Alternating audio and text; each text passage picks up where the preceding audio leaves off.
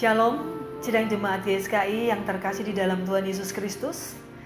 Kita berjumpa lagi di dalam ibadah streaming dan saya percaya di saat kita memuji menyembah Tuhan dengan segenap hati kita kembali kita akan mengalami jamahan Tuhan. Saya percaya ada banyak pemulihan yang akan Tuhan kerjakan dalam hidup setiap kita. Karena itu biarlah di mana pun dan kapan pun Bapak Ibu Saudara serta saya berada, kita selalu menyenangkan hatinya Tuhan.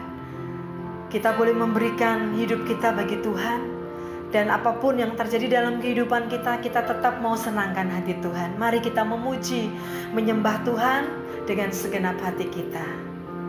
Menyenangkan di mana pun dan kapan pun dalam segala perkara. Kami mau menyenangkan hatinya Tuhan.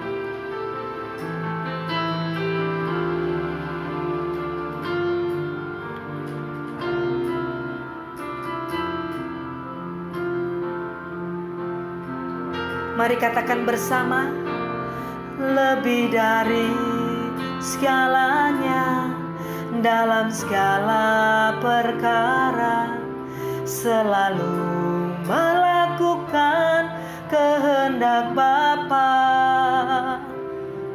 Dari waktu ke waktu di mana pun berada selalu menyenangkan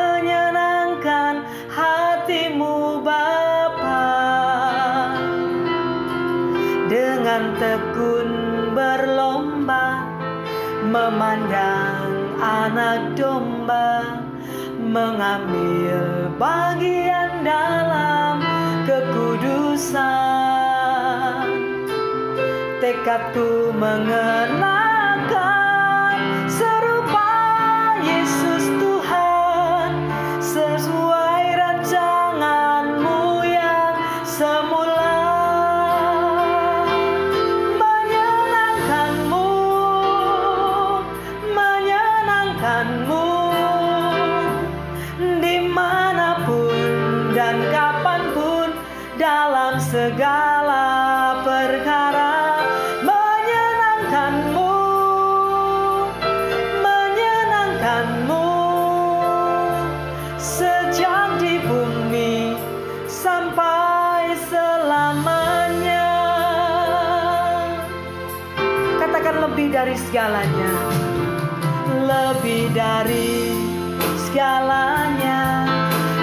segala perkara selalu melakukan kehendak Bapa. Dari waktu ke waktu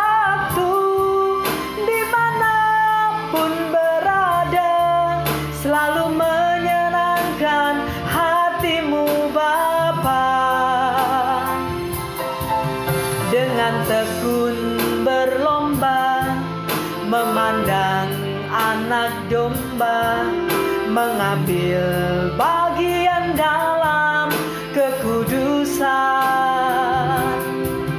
Tekadku mengenakan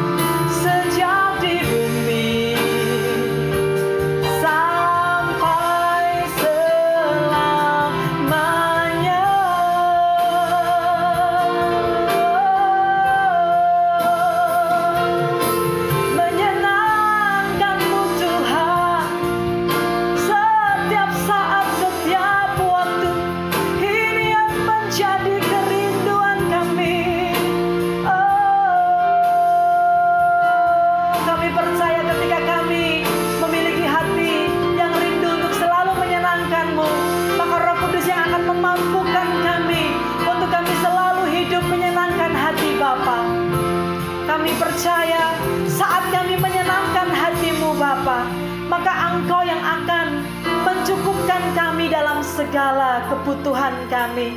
Kami tidak perlu takut, kami tidak perlu khawatir, karena kami tahu Engkau adalah Bapa kami yang setia.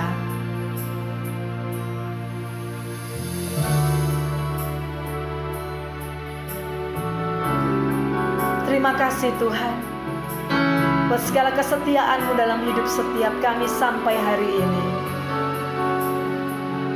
Thank you, Jesus.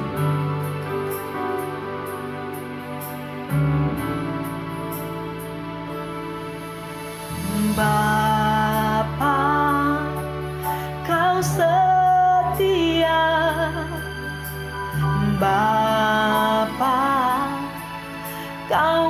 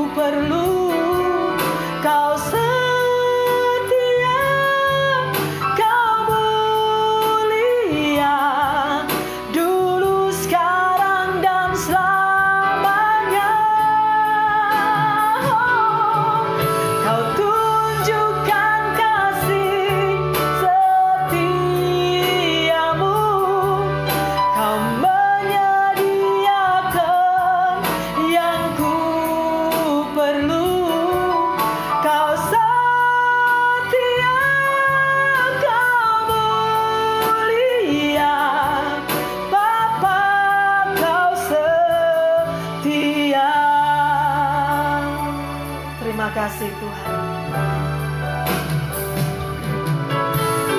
Bapa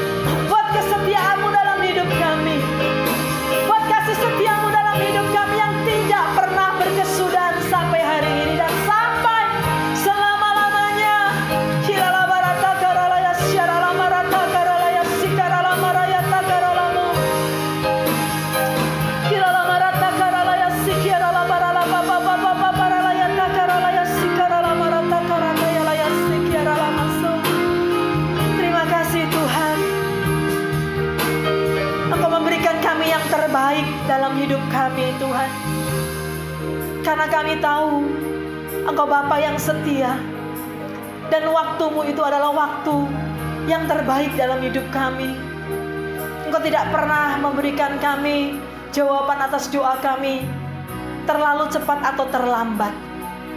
Engkau memberikan kepada setiap kami jemaatmu jawaban doa tepat pada waktunya. Ajar kami hari-hari ini menghargai waktu-waktu yang Tuhan masih berikan dalam hidup kami. Dengan hati yang selalu percaya, dengan hati yang selalu berserah dan menyembah Engkau. Terima kasih Tuhan.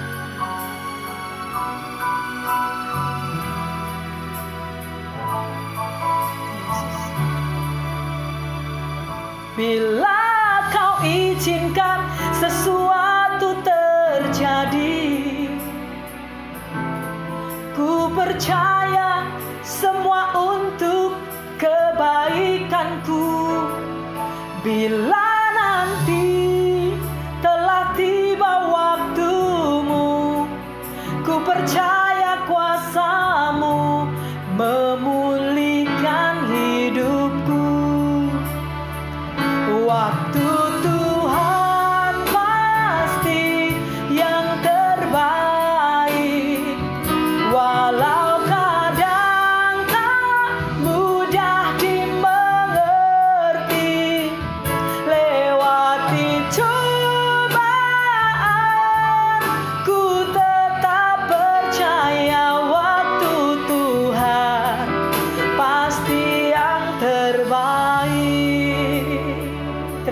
kasih Tuhan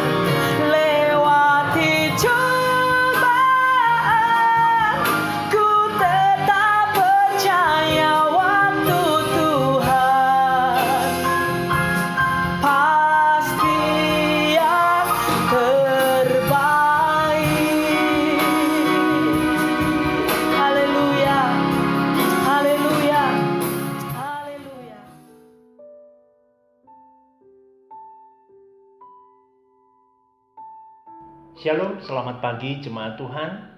Sebelum kita masuk dalam kebenaran firman Tuhan, mari kita masuk di dalam doa.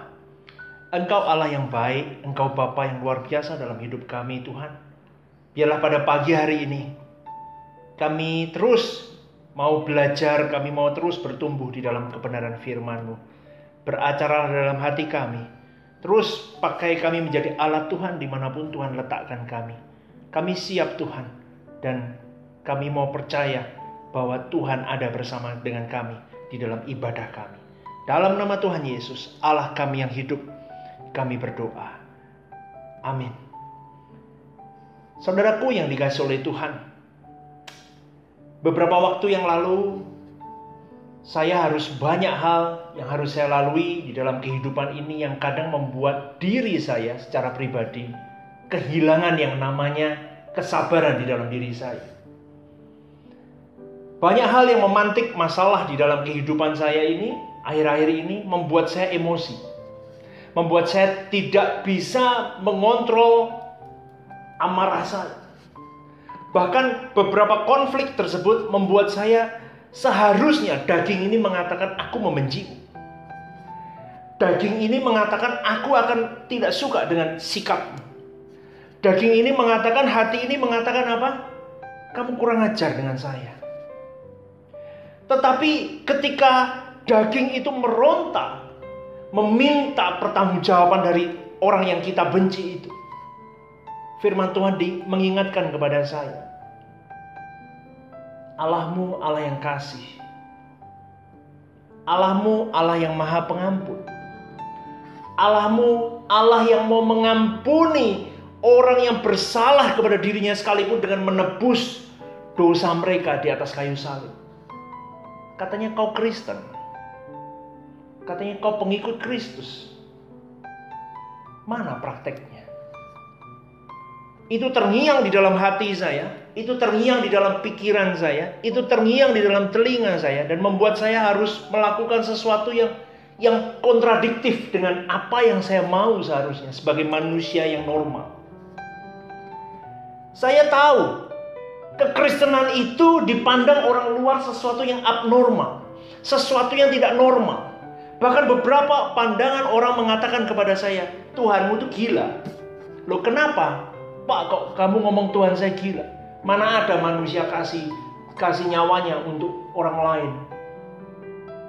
Dunia memandang itu sesuatu kegilaan. Dunia memandang sesuatu, lu ngapain sih seperti itu? Dunia mengajarkan kebaikan dibalas dengan kebaikan. Lu baik sama saya, Anda baik dengan saya, saya pun baik dengan Anda. Tetapi kekristenan mengajarkan hal yang kontradiktif dengan dunia. Kekristenan mengajarkan apa? Kekristenan mengajarkan engkau menyakitiku. Engkau membuat aku marah. Engkau mengkhianatiku. Tetapi aku mengampunimu. Bahkan aku memberkatimu. Bahkan aku mendoakan. Itulah kekristenan. Saudaraku yang dikasih oleh Tuhan. Di dalam sebuah simposium teologi, terjadi perdebatan antara pakar-pakar teolog di dalamnya. Ditanyakan, prioritas utama apa yang harus dilaksanakan oleh gereja Tuhan pada saat ini?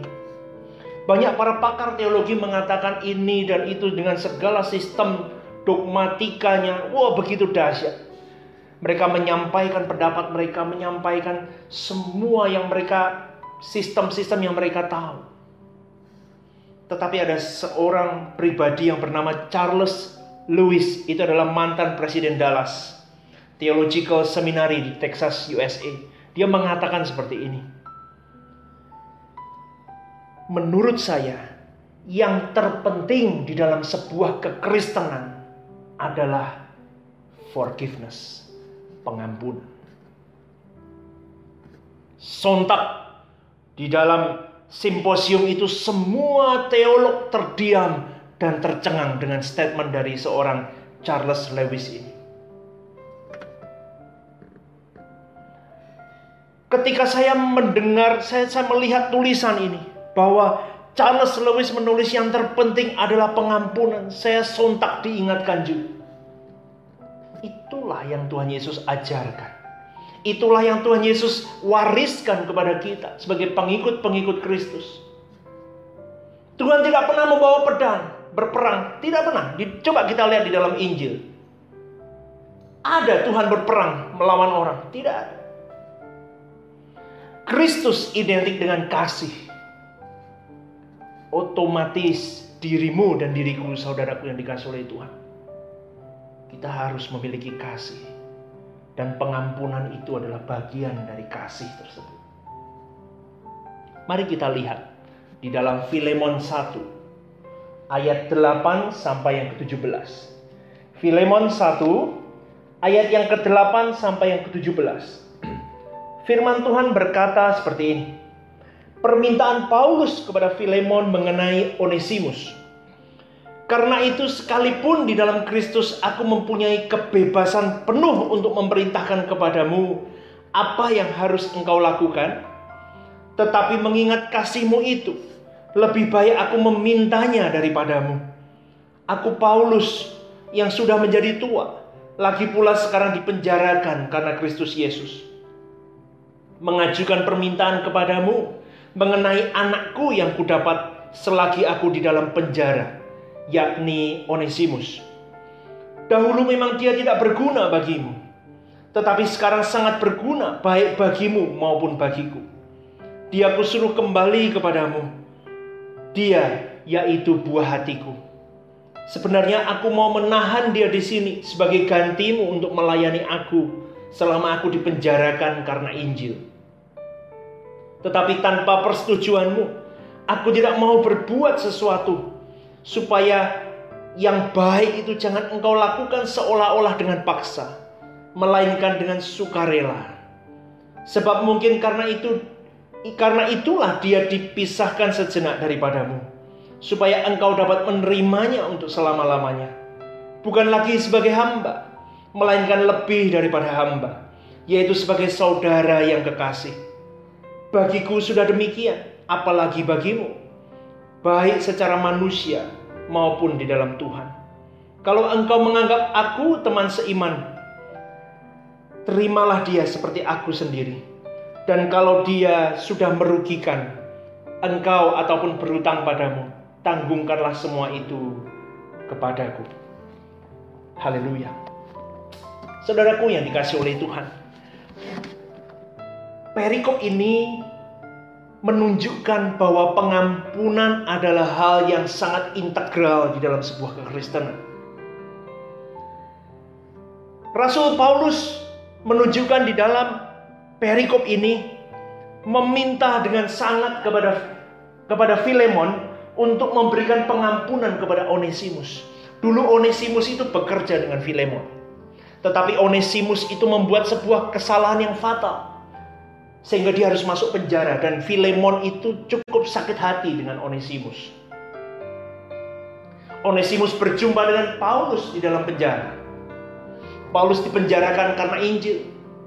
Dan Paulus berjumpa dengan Onesimus dan Onesimus dimuridkan oleh Paulus. Kalau kita lihat, saudaraku dikasih oleh Tuhan, Onesimus mengalami perubahan, mengalami pertobatan yang luar biasa di dalam penjara.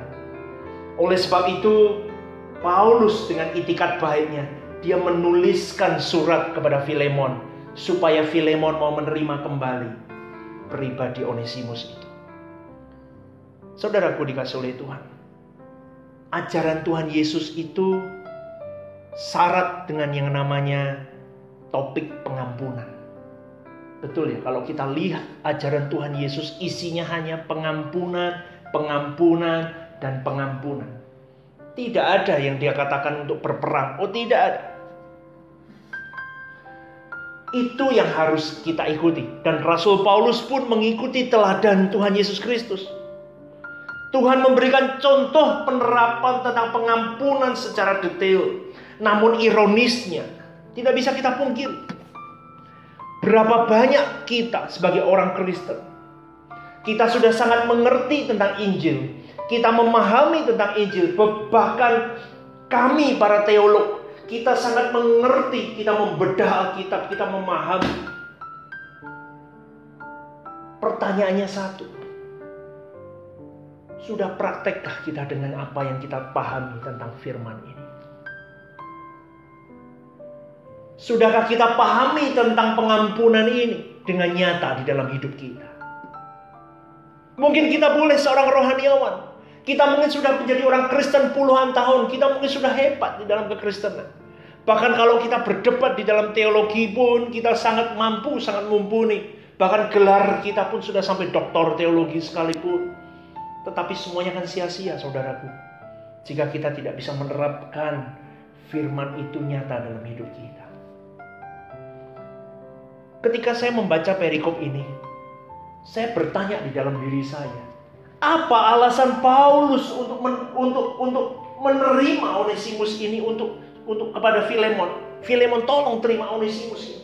Kenapa harus diberi pengampunan? Itu menggelitik hati saya, saudara. Mungkin untuk Rasul Paulus itu mudah. Karena dia tidak pernah konflik langsung dengan Onesimus. Tetapi bagaimana dengan Filemon? Tetapi sebagai bapak rohani, Paulus begitu dahsyatnya menuliskan surat ini kepada Filemon. Coba kita lihat poin yang pertama. Di dalam ayat yang ke-8 dan yang ke-9. Itu dituliskan, karena itu sekalipun di dalam Kristus aku mempunyai apa? Kebebasan penuh untuk memerintah kepada Filemon. Apa yang harus Filemon lakukan? Tetapi mengingat kasih Filemon itu lebih baik Paulus meminta, meminta daripada Filemon. Supaya apa? Supaya lebih lebih tidak terpaksa engkau melakukan itu bukan sesuatu paksaan. Karena pengampunan itu adalah sebuah keharusan. Coba kita lihat kalimat ayat yang ke-8 itu ya, yang B ya, ayat 8 yang B. Kata apa yang harus engkau lakukan? Berarti mengampuni itu adalah sebuah keharusan. Paulus pun mengingatkan di dalam ayat itu, Filemon, pengampunan itu seharusnya harus kau lakukan. Tetapi aku tidak memerintahkan itu kepadamu. Tetapi aku ingin engkau sadar sendiri bahwa pengampunan itu adalah sebuah kewajiban, sebuah keharusan. Perintahnya bukan berupa saran, tetapi keharusan seharusnya. Pengampunan bukan dilakukan secara terpaksa, melainkan sukarela. Ayat yang 14 dikatakan seperti itu. Ayat 14 dituliskan seperti ini. Tetapi tanpa persetujuanmu, Aku tidak mau berbuat sesuatu supaya yang baik itu apa? Jangan engkau lakukan seolah-olah dengan paksa, melainkan dengan sukarela. Ini bapak rohani yang luar biasa. Dia tidak memaksa Filemon untuk, ayo saya yang ngatur, kamu harus enggak. Tetapi dia memperingatkan kepada Filemon, Filemon, mengampuni itu sebuah keharusan. Kalau engkau mengerti pengampunan itu sebuah keharusan, sukarelalah kau melakukan hal itu. Seseorang bisa mengatakan, saudaraku, aku mengampunimu. Tetapi siapa yang tahu isi hati kita? Hari ini saya jengkel dengan orang misalnya. Saya bisa katakan, aku mengampunimu. Tetapi siapa yang tahu isi hatimu? Yang tahu hanyalah engkau dengan Tuhanmu sendiri. Jika engkau dan saya bisa mengampuni, kita mewujudkan sebuah kasih. Karena sesungguhnya kasih itu menutupi segala kesalahan. Sama dengan Tuhan. Tuhan Yesus melakukan seperti itu di atas kayu salib. Orang lain mengatakan bodoh itu orang. Betul? Berapa banyak orang mengolok-ngolok Yesus Kristus. Bahkan beberapa itu lihat Tuhanmu telanjang di atas kayu salib Tuh lihat itu, seperti itu. Itu lihat Tuhanmu seperti ini. Tetapi Tuhan tetap melakukannya. Tuhan tetap mengampuninya. Kenapa? Karena sesungguhnya kasih menutupi kesal segala kesalahan. Bahkan di kayu salib dia mengatakan apa? Engkau tidak tahu apa yang kau perbuat. Bapak, ampunilah mereka mereka tidak tahu apa yang mereka perbuat. Kalau saya mengingat itu, bahkan di dalam film Passion of the Christ yang di yang kita bisa lihat beberapa tahun yang lalu itu ya, yang sangat booming. Itu pun yang memainkan peran itu pun bukan semua pengikut Kristus. Bahkan salah satu tentara yang memainkan aktor itu bukan orang Kristen. Ketika dia berusaha menusuk lambung Yesus waktu di film Passion of the Christ itu. Dia merasakan hadirat Tuhan dan dia bertobat, saudaraku. Dia melihat dia ditunjukkan kepada Tuhan. Kasih Yesus 2000 tahun yang lalu, meskipun itu hanya peran sebuah film. 2000 tahun yang lalu kejadian yang hampir sama, yang hampir serupa itu menyelimuti dirinya dan dia apa menundukkan kakinya dia berlutut di hadapan Tuhan dan dia berkata Aku percaya Yesus itu Tuhan. Karena apa? Karena kasih. Karena apa? Karena pengampunan. Saudaraku yang dikasih oleh Tuhan. Di dalam Ibrani 10 ayat 17 firman Tuhan berkata, Dan aku tidak lagi mengingat dosa-dosa dan kesalahan-kesalahan mereka. Saya ulang sekali lagi, Ibrani 10 ayat 17 firman Tuhan berkata, Dan aku tidak lagi mengingat dosa-dosa dan kesalahan-kesalahan mereka. Penulis Ibrani mengingatkan bahwa Allah tidak lagi mengingat dosa-dosa dan kesalahan yang telah kita lakukan. Oleh karena oleh karena itu kita pun harus melakukan hal yang sama terhadap orang lain yang melakukan kesalahan kepada kita. Saudaraku dikasih oleh Tuhan, kalau engkau mau menuntut orang, kalau kita mau puaskan daging kita, ingat baik-baik, akan ada banyak orang yang terluka atas tindakan kita. Pernah kan kadang Anda berpikir kalau sama orang lain nggak masalah. Kalau kita disakiti, kalau kita dimusuhi, atau kalau kita difitnah oleh orang-orang yang dekat dengan kita, saudara kita, istri kita, suami, anak-anak, menantu, saudara dekat, orang tua. Oh, itu menyakitkan luar biasa. Orang kepercayaan kita. Orang-orang yang bekerja dengan kita. Sakit nggak? Wah sakitnya luar biasa. Apakah mudah kita mengampuni? Tidak mudah. Saya katakan tidak mudah. Ada banyak hal yang harus engkau lakukan untuk kau menyalipkan semua keinginanmu untuk membalas dendam itu. Saya pun harus belajar banyak akan hal ini. Berkali-kali saya harus dididik Tuhan untuk mempro, untuk proses dalam hal tersebut. Manusia lama saya, oh tidak bisa seperti itu. Dulu kalau saya dilakukan orang seperti itu, saya akan habisi orang itu sampai titik.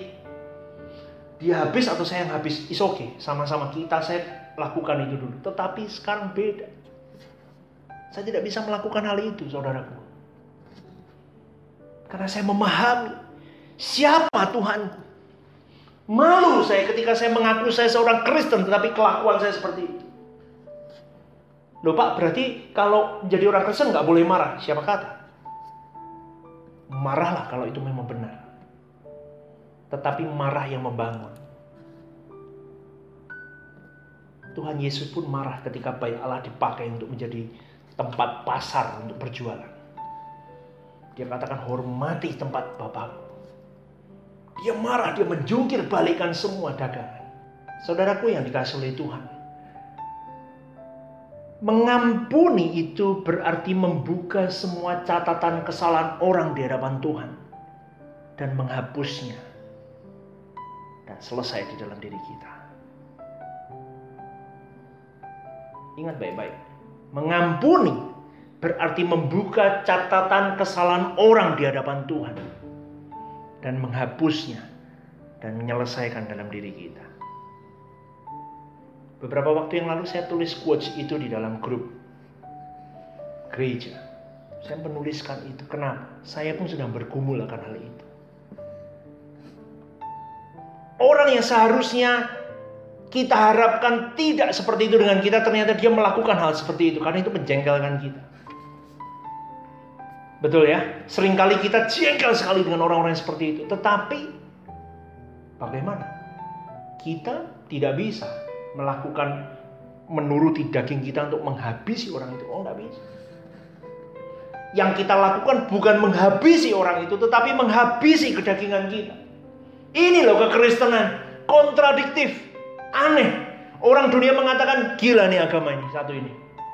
Aneh nih, pengikutnya aneh. Ya memang begitu. Kita akan dianggap manusia lain sama orang di dunia ini.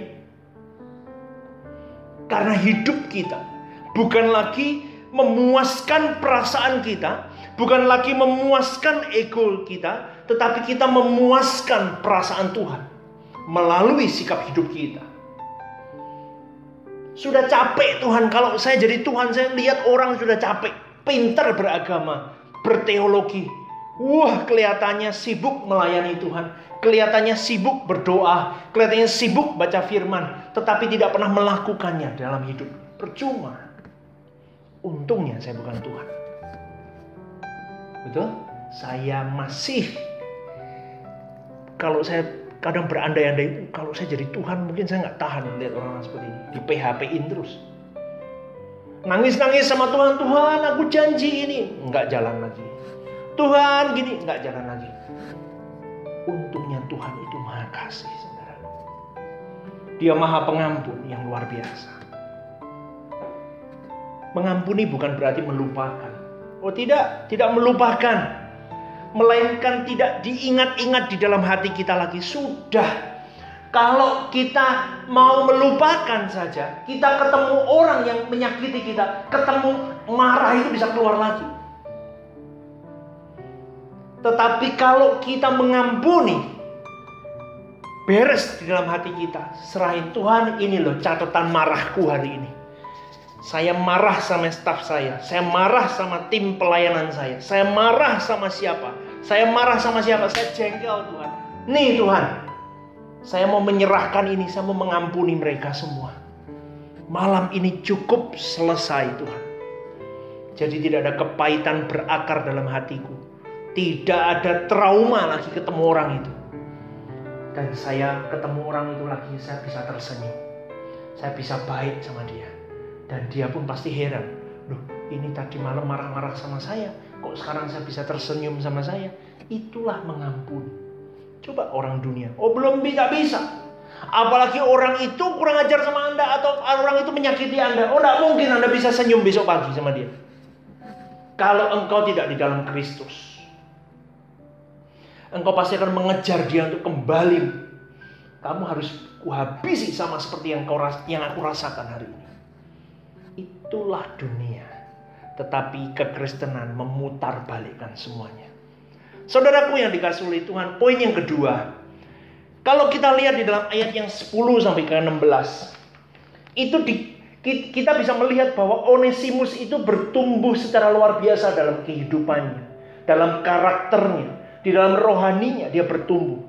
Kondisi kerohanian Onesimus pada saat itu sedang mengalami pertumbuhan yang begitu signifikan. Onesimus itu di dalam penjara menjadi anak rohaninya Paulus. Dia dimuridkan. Ayat yang ke-10 dikatakan kan?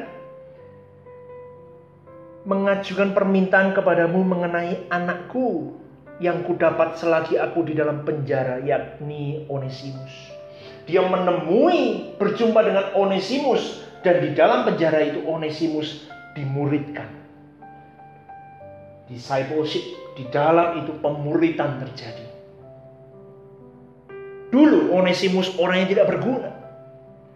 Namun keadaannya berbeda sekarang. Kehadirannya memberi manfaat kepada Rasul Paulus. Sehingga Rasul Paulus merasa berat hati melepaskannya. Nah ini loh pemuritan itu begitu saudara. Kita jangan lihat, Allah orang ini begini, orang ini begitu. Kita belajar dari dari perikop ini. Seorang Onesimus yang bisa dibilang, ini apa sih orang ini? Kerja dengan Filemon pun tidak benar. Bahkan sampai masuk penjara. Tetapi lihat, di dalam penjara orang itu dimuridkan.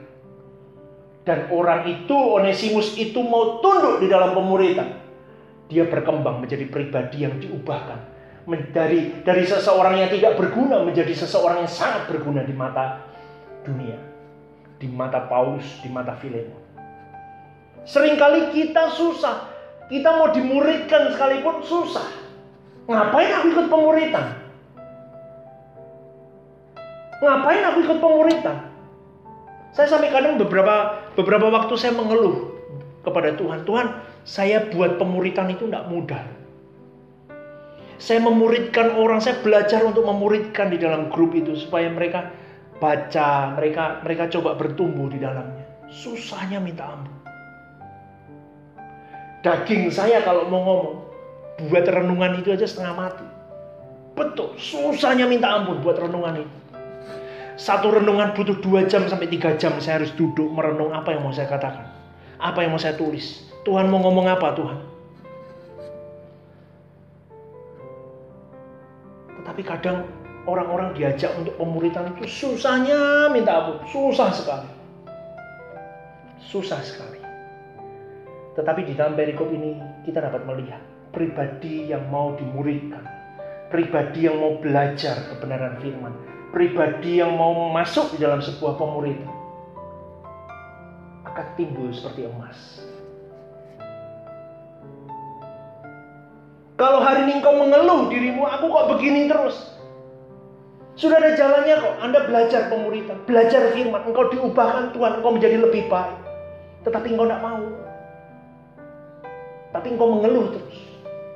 Hidupku begini, hidupnya begini, saudaraku begini, saudara. Dirimu tidak mau dirubah. Jangan menuntut orang lain untuk berubah. Paham ya sampai sini? Kalau Anda mau melihat perubahan, dirimu berubah terlebih dahulu. Siapa yang bisa mengubah dirimu? Hanya engkau dan Tuhan. Tidak ada pribadi lain. Pemuritan, pengembalaan di dalam gereja itu sebuah bantuan saja. Membantu, membantu untuk dirimu memperlengkapi sebagai senjata untuk memperlengkapi dirimu. Oh ya, aku dapat pemuritan ini, aku dapat rema ini, aku dapat blessing ini, aku mau tanamkan dalam diri saya. Tetapi eksekusi Anda sendiri urusan dengan Tuhan. Jadi kalau Anda bertanya kepada saya, Pak Steven, saya hari-hari ini masih kepahitan dengan si A, si B, si C. Itu yang salah bukan si A, si B, si C. Anda yang bermasalah. Kenapa? Karena Anda tidak mau diri Anda lebih baik dalam kehidupan ini. Saudaraku dikasih oleh Tuhan. Kalau kita lihat di dalam perikop ini, kelihatannya ada indikasi bahwa Filemon itu tidak bisa mengampuni Onesimus. Benar ya? Sampai Rasul Paulus itu menuliskan, memohon kepada dia supaya Filemon kasarnya beginilah. Filemon kamu sadar, mengampuni itu adalah sebuah keharusan. Aku tidak mau memaksa memaksamu Filemon meskipun aku mampu memaksamu karena aku bapak rohanimu. Tetapi aku minta Filemon kamu sadar meskipun Onesimus itu menyakitimu dahsyat, menyakitimu luar biasa, tetapi engkau harus mengampuni. Rasul Paulus tahu ada indikasi bahwa Filemon tidak bisa mengampuni karena mungkin kesalahan Onesimus begitu luar biasa kepada Filemon. Inilah yang sering kali manusia lakukan. Kerap kita mengingat-ingat masa lalu orang. Kalau hari ini saudaraku engkau jengkel dengan si A, jangan lihat kesalahannya hari ini, tetapi lihat kebaikannya yang lalu. Berapa banyak yang dia lakukan kebaikannya atas hidupmu. Sekarang saya belajar untuk seperti itu. Oh betul, dulu saya tidak bisa saudaraku. Saya tidak bisa melakukan hal itu. Rasanya orang buat kesalahan sama saya. Seribu kebaikan yang lalu hilang semua di mata saya. Tetapi hari ini saya diingatkan oleh firman Tuhan. Kalau engkau orang-orang yang benar-benar orang-orang yang mengikut sebagai pengikut-pengikut Kristus, Kau harus bisa praktek firman. Kau harus bisa praktek mengampuni. Jika si A menjengkelkanmu hari ini. Jika si A menyakitimu. Jika si A begitu menggores hatimu. Jangan lihat kesalahannya hari ini. Tapi lihat berapa ribu kebaikan yang sudah dia lakukan atas hidup. Inilah manusia. Tetapi kita belajar Tuhan memerintahkan kita untuk melupakan apa yang ada di belakang kita. Biarlah kita mau berdamai dengan masa lalu kita. Karena jika tidak hal itu bisa menjadi penghambat kerohanian kita. Banyak hal, mungkin kita tidak bisa mengampuni orang lain, tetapi ada juga sisi di mana kita tidak bisa mengampuni diri kita sendiri. Berapa banyak orang yang mau maju, mau dekat kepada Tuhan, dia mengatakan apa? Aku bobrok hidupku. Tuhan aku nggak layak kok sudah di hadapan Aku orang yang rusak. Aku pribadi yang begitu hancur sudah. Aku sudah banyak melakukan hal-hal yang sudah bisa dikatakan di dunia ini sebuah kejahatan. Tidak layak Tuhan di hadapanmu. Kalau kita ingat istri Lot binasa karena dia melihat ke belakang menjadi tiang garam. Kebanyakan orang Israel tidak masuk ke dalam tanah perjanjian yang dijanjikan oleh mereka kepada dari Tuhan Kenapa? Karena mereka menoleh kehidupan di Mesir. Di Mesir enak kok Musa. Kenapa kau bawa aku keluar? Betul? Di sepanjang perjalanan 40 tahun, berapa banyak orang Israel menggerutu dan memarahi Musa. Menuntut Musa untuk kembali ke tanah Mesir. Kenapa? Di Mesir limpah, makanan semua cukup. Meskipun kita harus bekerja keras, tetapi cukup. Hari ini kau bawa kita di tanah per, mau mau kau bawa aku ke tanah perjanjian, tetapi lihat, hidupku tidak karuan. Iblis kerap kali mengingatkan kita akan masa lalu kita, saudaraku. Supaya apa? Supaya kita tidak fokus kepada masa depan kita. Ingat baik-baik. Iblis belajar untuk menghancurkan hidup kita, menghancurkan rohani kita, menghancurkan karakter kita, menghancurkan diri kita di hadapan Tuhan. Supaya engkau tidak layak menjadi anak Tuhan. Dengan apa? Kamu lihat, si A sudah menyakiti kamu A, B, C. Lihat tuh si B, sudah nyakiti kamu A, B, C. Ngapain kamu mengampuni dia? Kurang ajar itu orang. Ada lagi dia ngomong, lihat ya, kamu mau mau jadi anak Tuhan, kamu mau melayani Tuhan, hidupmu bobrok. Ingat, lihat nih kesalahanmu. A, B, C, itulah iblis. Dia pendakwa, saudaraku. Setiap kali kita mau dekat kepada Tuhan, ada suara dari iblis dia mendakwa diri kita. Kamu bobrok, kamu itu orang rusak, kamu itu tidak layak di hadapan Tuhan. Iblis selalu mendakwa dan mengingatkan kita akan masa lalu kita. Supaya apa? Supaya kita tidak fokus dengan masa depan kita. Hancurnya kita adalah kemenangan iblis. Kalau keluargamu rusak gara-gara engkau benci dengan si A, aku benci dengan iparku, aku benci dengan mertuaku, aku benci dengan keponakanku, aku benci dengan si A, si B.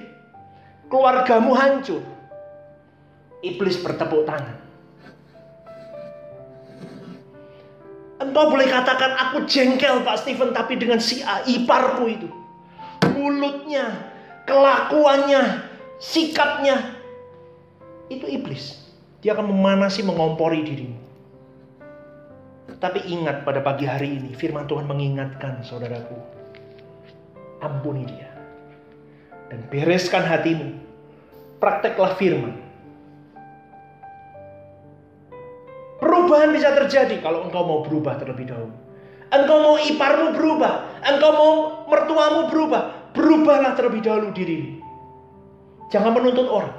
Karena kalau engkau berubah, orang lain tersebut akan juga berubah. Saudaraku dikasih oleh Tuhan, melepaskan pengampunan itu berarti melupakan apa yang pernah orang lain lakukan dalam hidup kita. Dan itu akan memberi dampak positif bagi orang yang diampuni dan bagi diri kita sendiri. Orang yang tidak bisa ngampuni penyakitnya banyak. Tensi naik, darah tinggi banyak sekali. Saya kalau marah sama orang dulu ya. Ya sampai hari ini pun masih lah. Kalau saya jengkel sama orang gitu ya. Misal nih, di kantor kah, atau di pelayanan, atau di mana pun lah, saya jengkel sama orang. Itu langsung leher saya ini langsung seperti batu gitu.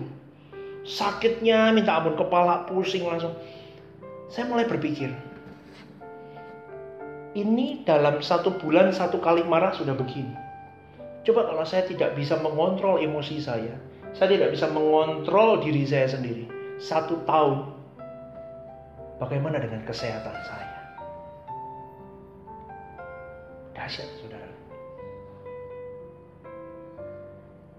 Kalau kita menahan pengampunan itu akan memberi dampak yang sangat negatif kepada orang yang tidak kita ampuni, bahkan kepada diri kita sendiri. Orang yang tidak kita ampuni, benar saya katakan ini, baik-baik saudaraku, ingat baik-baik. Sejengkel apa pun kau dengan orang itu. Kalau kau tidak bisa mengampuni, hancur hubunganmu. Yang pertama, yang kedua, dia kalau bukan anak Tuhan, dia akan melihat agama apa sih dia? Kristen katanya. Katanya Tuhannya maha pengasih, maha pengampun. Mana dia? Engkau mencoreng nama Tuhanmu.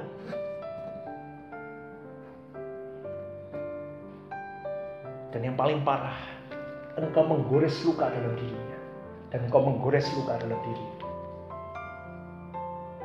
Tidak ada yang baik. Kalau kita tahu tidak ada yang baik, kenapa engkau teruskan? Kenapa kita tetap pertahankan hal itu? Kita belajar Sudahlah, sudah, kita ampuni. Tetapi kita harus sadar kalau kita diampuni orang. Kita belajar untuk tidak melakukan kesalahan yang sama. Kalau kita mengampuni orang, ada dua ya, kalau kita diampuni orang, kita kan tidak lepas dari salah juga, saudaraku. Siapa pun kita, termasuk saya, tidak lepas dari yang namanya kesalahan. Kalau kita diampuni orang, belajarlah untuk tidak melakukan hal itu lagi. Tetapi kalau kita mengampuni orang, belajarlah membuka hati seluas samudra, buka. Jangan sampai nanti kalau orang itu melakukan hal yang sama lagi, pintu pengampunan itu kita tutup dalam hati kita.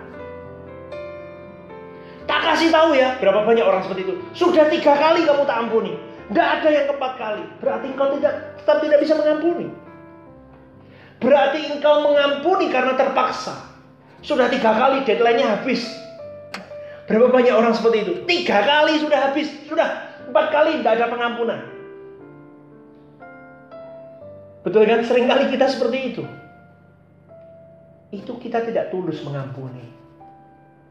Berarti kita terus mengampuni dan mengampuni. Loh pak, berapa kali aku harus mengampuni? Aku capek pak ngurusi orang seperti ini. Betul, saya pun. Loh, saya saudaraku harus ngurusi orang banyak saudara. Saya kalau ditanya sama orang tua saya, papa saya tanya, mama saya waktu almarhum mama saya masih hidup ya. Duduk nih, ngomong sama saya. Mama saya tanya sama saya, Stephen, kamu tidak kesal dong ngurusi orang banyak? saya cuma tersenyum.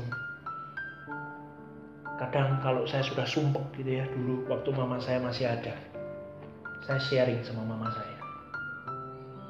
Mah, begini. Ini saran istri saya begini, mah. Gimana, mah? Kadang orang tua itu kan memberi nasihat. Oh ya, nanti coba saya tak diskusi dengan istri saya. Gimana menangani orang ini? Betul. Saya dengan istri saya, kalau ditanya, nanti kalau ketemu sama istri saya ya, Bu, gimana ngurusi orang banyak? Nah tanya dia. Kalau orang Jawa ngomong itu, Dawa modot ususnya. Sak dawa nih modot ususnya, ya itu. Sak modot di usus, kalau tanpa firman tetap ada batasnya. Sekarang saya dengan istri saya belajar sak modot-modot usus saya, sepanjang-panjang usus saya, tidak ada batasnya. Saya belajar terapkan firman di dalam saya bersosialisasi dengan orang. Betul saudaraku. Bahkan kita lihat ya poin yang ketiga. Kenapa sih Rasul Paulus nyuruh Onesimus untuk diampuni dan diterima oleh Filemon? karena Onesimus adalah saudara seiman. Ayat 17 dituliskan seperti ini. Kalau engkau menganggap aku temanmu seiman, terimalah dia seperti aku sendiri. Berarti Onesimus sebagai saudara seiman, saudaraku. Onesimus sudah menjadi Kristen yang taat Bahkan Paulus berani menjamin pertobatan Onesimus. Kalau kita lihat ayat 17 sampai 19 tambahannya. Kalau engkau menganggap aku teman seiman, terimalah dia seperti aku sendiri. Dan kalau dia sudah merugikan engkau ataupun berhutang kepadamu, tanggungkanlah semuanya itu apa? Kepadaku. Paulus ngomong begitu. Ayat 19, aku Paulus menjaminnya dengan tulisan tanganku sendiri. Aku akan membayarnya agar jangan kukatakan tanggungkanlah semuanya itu kepadamu karena engkau berutang padaku yaitu dirimu sendiri. Wah luar biasa. Paulus berani menjamin pertobatan Onesimus. Filemon, ini loh Onesimus sudah pribadi yang baru. Kalau dia berutang, kalau dia macam-macam lagi, tanggungkan sama saya. Paulus karena melihat pertumbuhan Onesimus yang begitu luar biasa. Oleh sebab itu Paulus pantas disebut sebagai apa? saudara kekasihku. Hebat kan? Dia tidak disebut lagi hamba atau budak. Tetapi dianggap sebagai saudaraku yang kekasih. Hal ini seperti Yesus yang tidak lagi menyebut kita hamba, tetapi menyebut kita sebagai sahabat, menyebut kita sebagai anak, menyebut kita sebagai apa? Sekawan sekerja Allah. Kalau Tuhan Yesus mau hitung-hitungan dengan kita, saudaraku, sudah berapa banyak kesalahan kita? Berapa sering kita PHP-in Tuhan kita? Oh aku janji Tuhan, nanti kalau aku sembuh Tuhan, aku mau melayanimu. Ah, kalau aku dilewatkan dari kematian ini Tuhan, aku berjanji, aku bernasar di hadapan Tuhan. Aku mau melayani Tuhan, aku benar Tuhan. Tolong aku Tuhan, nangis Bombay, sembuh, lupa dia melayani Tuhan. Berapa banyak orang seperti itu saudaraku. Tuhan kalau tenderku dapat ini Tuhan. Aku janji aku mau membang, memberi sebagian 10%. Kalau perlu Tuhan. Kalau tenderku masuk 50%. Aku masukin buat gereja. Aku mau beri buat gereja. Tendernya masuk. Lupa dia. Dia beli mobil baru. Berapa banyak kita menemui orang-orang seperti ini. Tuhan sudah di PHP-in terus. Tuhan capek sebetulnya kalau jadi benar makanya saya ngomong untung saya tidak jadi Tuhan. Kalau saya sudah jadi Tuhan mungkin, eh kamu bohong sama saya, ceding mati, ceding nyawanya tak ambil semua, kan kawat itu. Tetapi untungnya saya bukan Tuhan, karena saya tidak bisa melakukan hal itu dengan sempurna. Tetapi saya hari ini sadar, saya bukan Tuhan, tetapi saya dipaksa untuk serupa dengan Tuhan saya. Berarti Stephen, berarti semua pendengar yang di mana pun kau berada, dirimu dan diriku terus dipaksa, terus diwariskan, diwajibkan, diharuskan untuk serupa dengan Yesus. Berarti apa? Kalau Tuhan bisa mengampuni orang-orang yang seperti itu, mengampuni dirimu dan diriku yang bobrok seperti ini, kita juga harus bisa mengampuni orang lain yang bersalah kepada kita. Galatia 6 ayat yang ke-10 firman Tuhan berkata seperti ini. Karena itu selama masih ada kesempatan bagi kita, marilah kita berbuat baik kepada siapa? Kepada semua orang, tetapi terutama kepada kawan-kawan yang seiman. Pertanyaannya begini, kembali lagi. Tadi sudah bertanya kan? Ini pertanyaan lagi sebelum kita tutup firman Tuhan pada pagi hari ini. Pak Steven, berapa kali saya harus mengampuni? Ada yang bisa jawab saudaraku? Tiga kali cukup pak. Ya, berapa kali? Dua kali cukup pak. Kebangetan. Kalau terus-terusan kurang ajar dia pak. Ya, terus berapa kali? Lima kali pak. Cukup. Itu aduh. Saya punya mantu satu ini pak. Kurang ajar ya minta ampun sama saya. Sudah cukup. Harkat martabat saya sebagai mertua hancur pak gara-gara menantu satu ini. Sudah cukup. Berapa kali? Lima kali. Ya sudah. Yuk kita ngomong sesuai firman Tuhan. Firman Tuhan mengatakan apa? 70 kali 7. Lah kok akemen, Pak? Lah kok banyak sekali, Pak? 70 kali 7. Artinya apa? Tidak terhitung, Saudara. Berarti orang salah sama kita, ampuni. Lupa sudah lima kali, ampuni. Loh Pak sudah 10 kali Pak, ampuni. Loh Pak sudah 20 kali Pak, ampuni. Yang ngomong bukan Stephen, tetapi yang ngomong firman Tuhan. Amin saudaraku. Saya yakin Anda ngucapnya susah di rumah. Aminnya berat.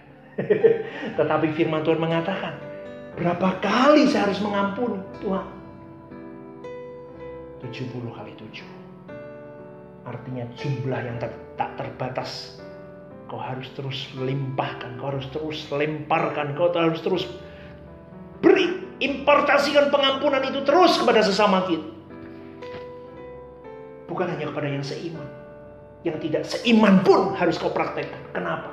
Di mata mereka lah engkau yang harus tunjukkan bahwa Yesus itu nyata dalam hidup. Efesus 4 ayat 31 sampai 32 ayat penutup kita. Segala kepahitan, kegeraman, kemarahan, pertikaian dan fitnah hendaklah dibuang dari antara kamu. Demikianlah pula segala kejahatan. Tetapi hendaklah kamu ramah seorang terhadap yang lain, penuh kasih mesra, dan saling mengampuni sebagaimana Allah di dalam Kristus telah mengampuni kamu.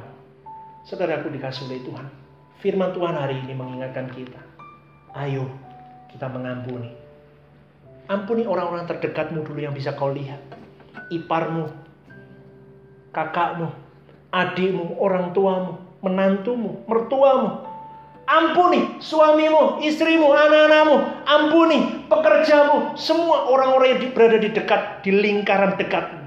Belajar mengampuni. Engkau mungkin sakit hatimu. Tetapi belajarlah firman. 70 kali 7 saudara. Bukan lima kali, bukan empat kali, bukan dua kali. 70 kali 7 artinya apa? Tidak terhingga, kita harus mengampuni. Kita tidak boleh menoleh ke belakang. Kita tidak boleh melihat kesalahan orang terus menerus.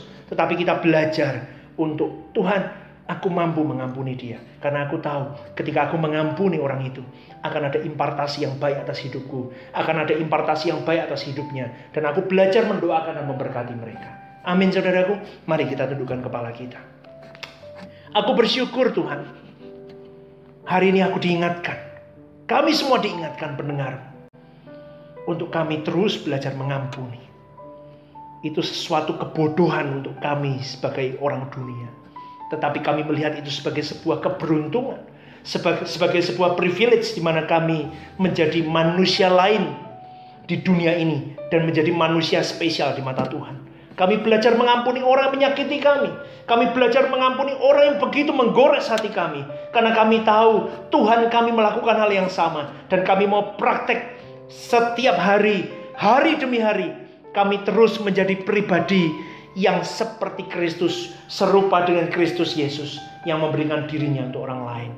Tuhan, jika kami masih belum bisa mengampuni sampai hari ini, Roh Kudusmu kirimkan atas diri kami, atas hati kami, dan biarlah kami menjadi pribadi yang benar-benar meluap akan kasih Kristus dalam hidup kami.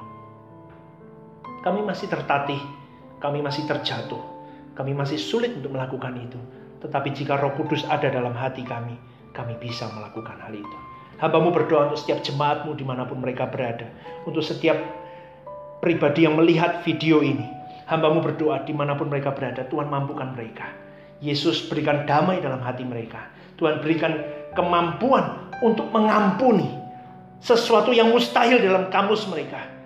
Tetapi hari ini hambamu percaya, jika firman itu nyata dalam diri mereka, ditancapkan dalam hati mereka, sesuatu yang tidak mungkin itu akan dilakukannya karena mereka menyayangi perasaan Kristus dalam hidupnya. Terima kasih Allahku, dalam nama Yesus kami berdoa dan bersyukur. Haleluya, haleluya. Amin, amin.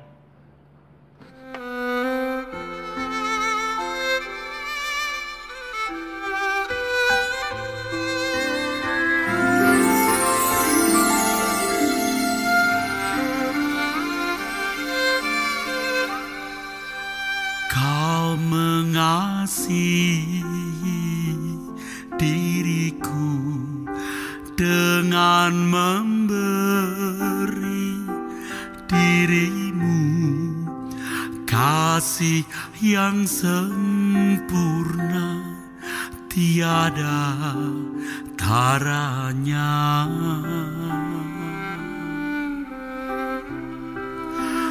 Tak akan pernah ku dapati kasih yang seperti ini. Ku rasakan selalu hanya dalam dirimu.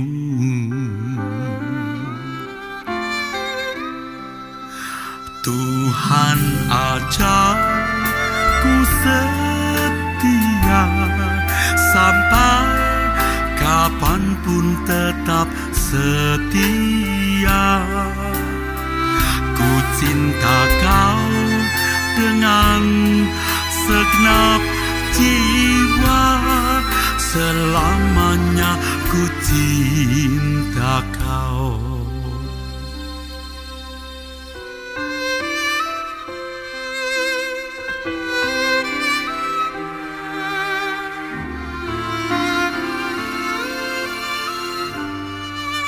Kau mengasihi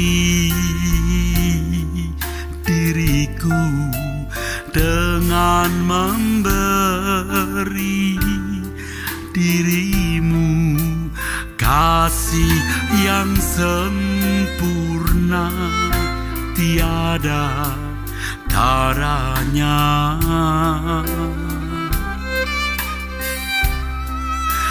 tak akan pernah ku dapati kasih yang seperti ini. Ku rasakan selalu hanya dalam dirimu.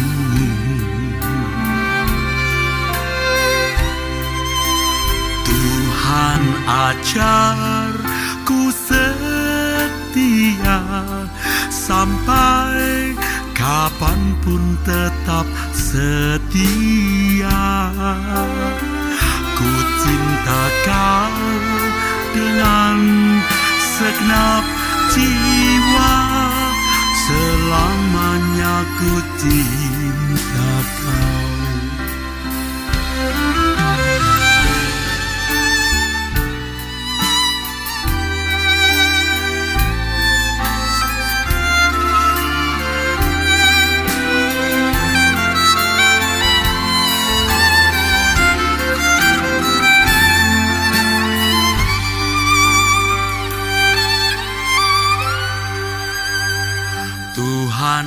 ajar ku setia sampai kapan pun tetap setia.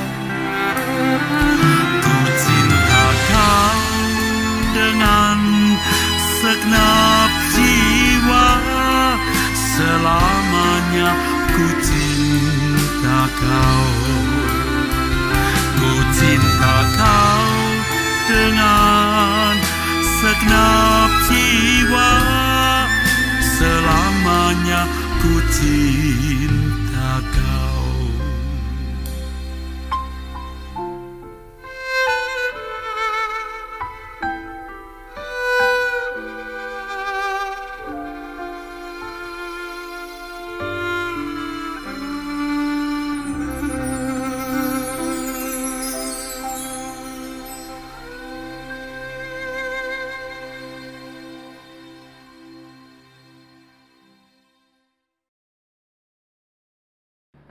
Saudaraku, angkat kedua tanganmu terima berkat yang daripada Tuhan.